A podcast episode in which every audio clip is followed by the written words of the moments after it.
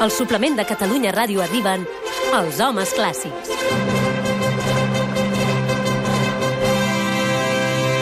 Ready, set, go! Eh, fi, escolta'm, per fi. És això. Mestre Pardo, Albert Galceran, bon dia. aquí perquè tinguéssim la sintonia bona. Sí. Escolta, escolta, escolta. És que fa il·lusió tot. Això és mel, això és mel. Què, què us posa habitualment l'escapa? Perquè a mi el Cots m'ha No, dit, no sí, sí, és aquesta careta No i, i endavant, el, eh? el que ens posa les capes, si de cas, cots, borra-ho.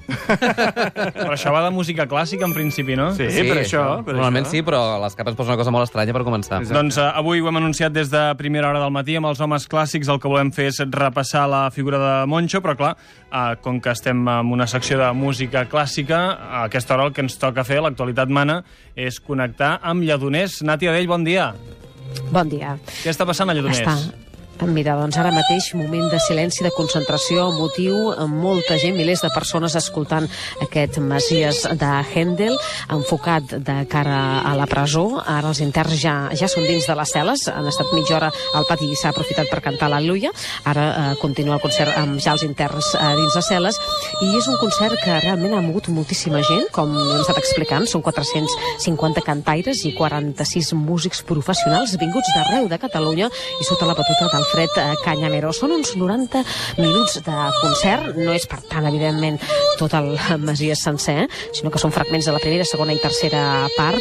Eh, sí que la idea base és transmetre un missatge d'esperança, de suport en aquests presos independentistes, i és que realment l'esplanada d'aquí de Lledoners s'ha desbordat de la quantitat de gent que hi ha. L'organització calcula 3.500 cotxes i gent que aguanta estoicament el fred, perquè fa un fred aquí, dia gris i ventós, amb gorros, bufandes grogues i, com no, eh, estelades. I concentrats, concentrats en aquest eh, concert.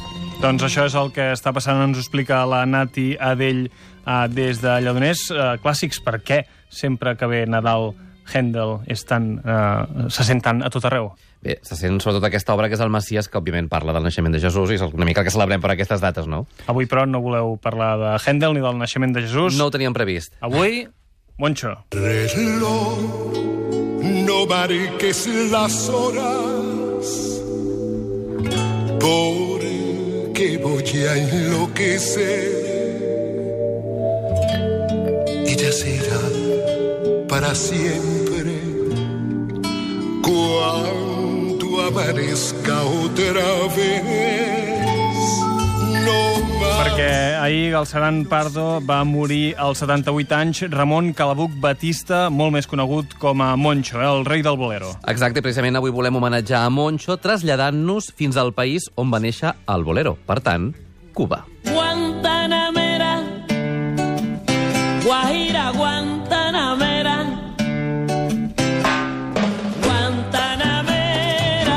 Realment és escoltar aquesta música i automàticament ja... Et trasllades, eh? Te'n vas al Carib, i jo no hi he estat mai, eh? però ja Però ja m'imagino allà sota una palmera. Amb un mojito. colada. I tant. De totes maneres, Joan, com, com ja he explicat algunes vegades, tot ve de la clàssica, eh? Vull dir, I la música cubana també, eh? No et penses, ja veuràs. Escolta això. Escuchen,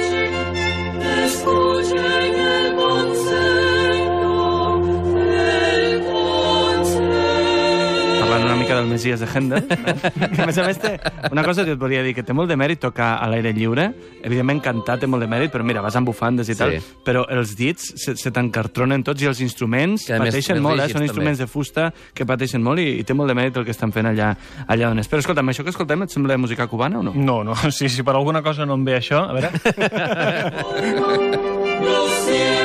Sembla l'himne de la Champions. Una mica, sí.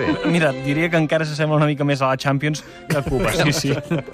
bueno, és normal, eh? Perquè, de fet, és música cubana si més no, feta a Cuba. Eh? Situem-nos en on som ara mateix. Al segle XVIII, quan a Cuba ja havia rebut molta influència europea, per això la música que es fa a Europa també hi va arribar a Cuba. I per això les primeres expressions musicals cultes cubanes siguin de clara influència europea. De tota manera, fixeu-vos que això que estem escoltant de fons canten en castellà i amb accent cubà. Per tant, això sí que ens situa una mica a Cuba. Eh? Són les cantates barroques d'Esteban Salas. Sí, digues-li influència europea o digues-li conqueridors, eh? Vull dir... Sí, sí. Fem, servir l'eufemisme que vulguem. en tot cas, em, clar, no trigarien gaire en aparèixer ritmes típicament cubans, eh? Ja escolteu això.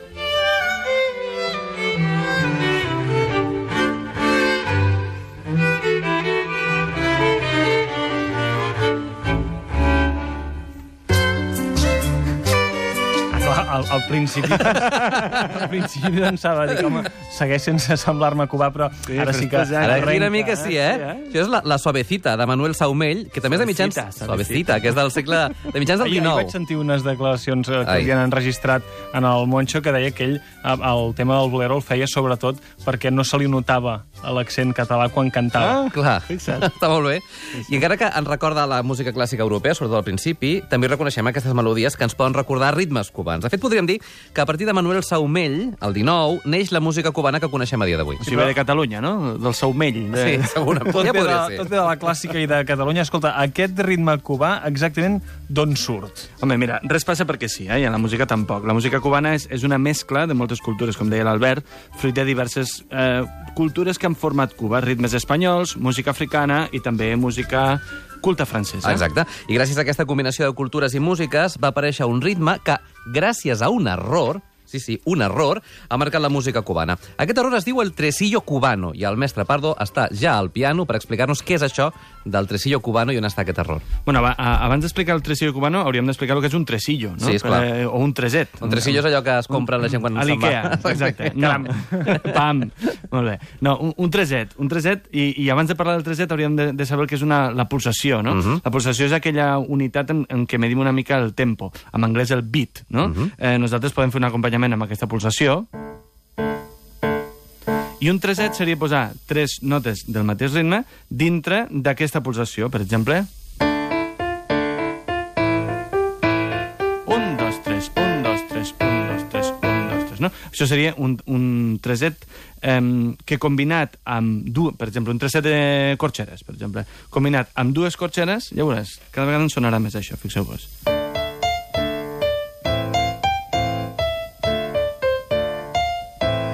I aquesta cosa que deia l'Albert abans, que és fruit d'un error, és que si nosaltres eh, canviem una miqueta aquest, aquest treset, que és això, i fem una miqueta una més llarga i una més curta, ho convertim en això, fixa't.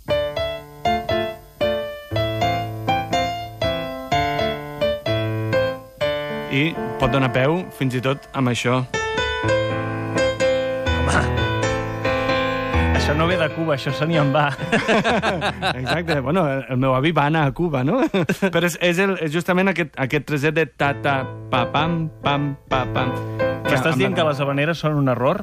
No, El no, ritme. no voldria provocar. Aquest tresillo, no. Sí, sí, no. no, però justament Aquest, aquest treset eh, europeu, dona-li una mica aquest, aquest son cubano, Aquest aquest, sí, ritme sí, cubano, apareix acaba apareixent aquest tresillo I, cubano. I fixa't com la manera ha anat molt més enllà de l'illa de Cuba o de Calella de Palafrugell, perquè si ens situem a París a l'any 1875, mireu quina meravella va compondre Georges Bizet.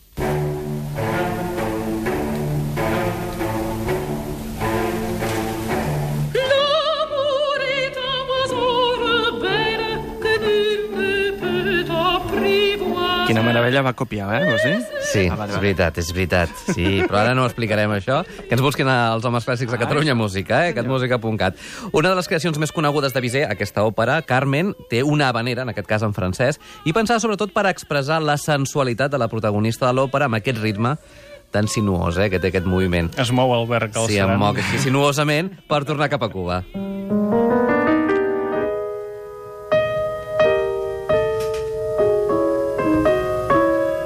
dit que això és una habanera? He dit que és música cubana. Música cubana. Eh, de fet, acaba de fer ta-tan, ta-tan, tan, no? De fet, es tracta d'una composició per a piano, titulada Adiós a Cuba, d'Ignacio Cervantes, i és que podríem dir que un cop interioritzada la música europea, aquestes influències europees, influències africanes, africanes, clar, dels, dels esclaus, eh? Clar. eh? I els ritmes que neixen de manera espontània a Cuba, la música cubana segueix dos camins, el de la música culta que estem escoltant i, sobretot, clar, el de la música popular. Guajira,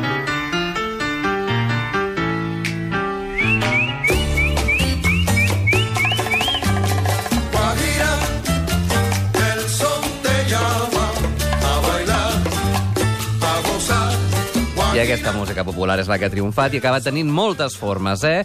Canciones, danzones, sones, guarachas, pregones, rumbas, congas, guajires, com la que sentim de fons, però també, és clar, i aquí és on ens interessa anar avui, boleros. pintor que sigues el rumbo de tantos La maraca, eh? Aquí, aquí és on em volíeu portar, eh? Exacte, arribant tot això, el prolegomen. El bolero, aquest eh, bolero magnífic, Angelitos Negros, interpretat pel cubà Antonio Machina. Eh, Exacte, perquè el bolero, de fet, és un gènere popular nascut a Cuba. Eh? Concretament es considera que va néixer l'any 1885 amb aquesta cançó, Tristezas. Tristezas me dan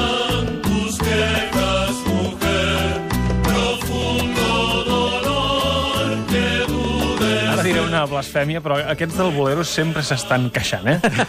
També aquí hi ha Doncs sí, sí, sí. de Pepe Sánchez.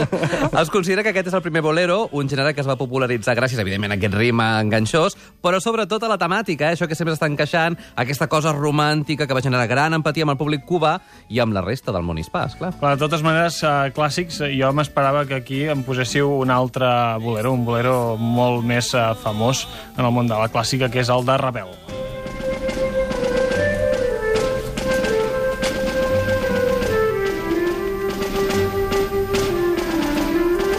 La veritat és que em sorprès, sorprèn eh? El us nivell musical del Joan Bota. Queda't, queda't, eh?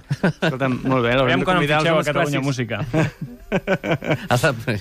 No hi ha res que arregli un bon guió, eh?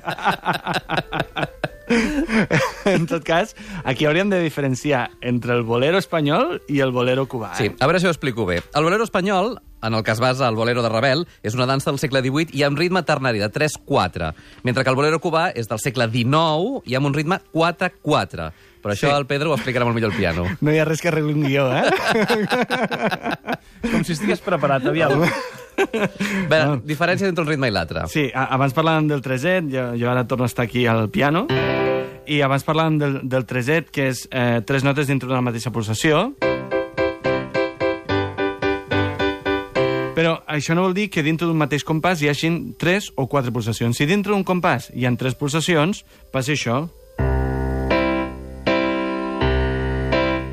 I en canvi, si hi ha quatre, passa això. Llavors, eh, la diferència entre aquest bolero espanyol del segle XVII o XVIII és que aquest bolero espanyol mm, convertia aquest eh, ritme ter, eh, de, de tres Ole. i es fixeu, eh? Un, dos, tres. Un, dos, tres. Amb el que fa Ravel, que fa això. I amb el ta, para, para, para, para, para. Això, amb molt, molt diferent del que podria fer un bolero de Moncho, que podria ser això. Un, dos, tres, quatre.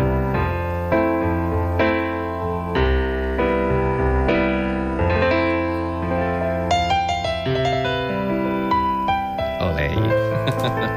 Etcètera.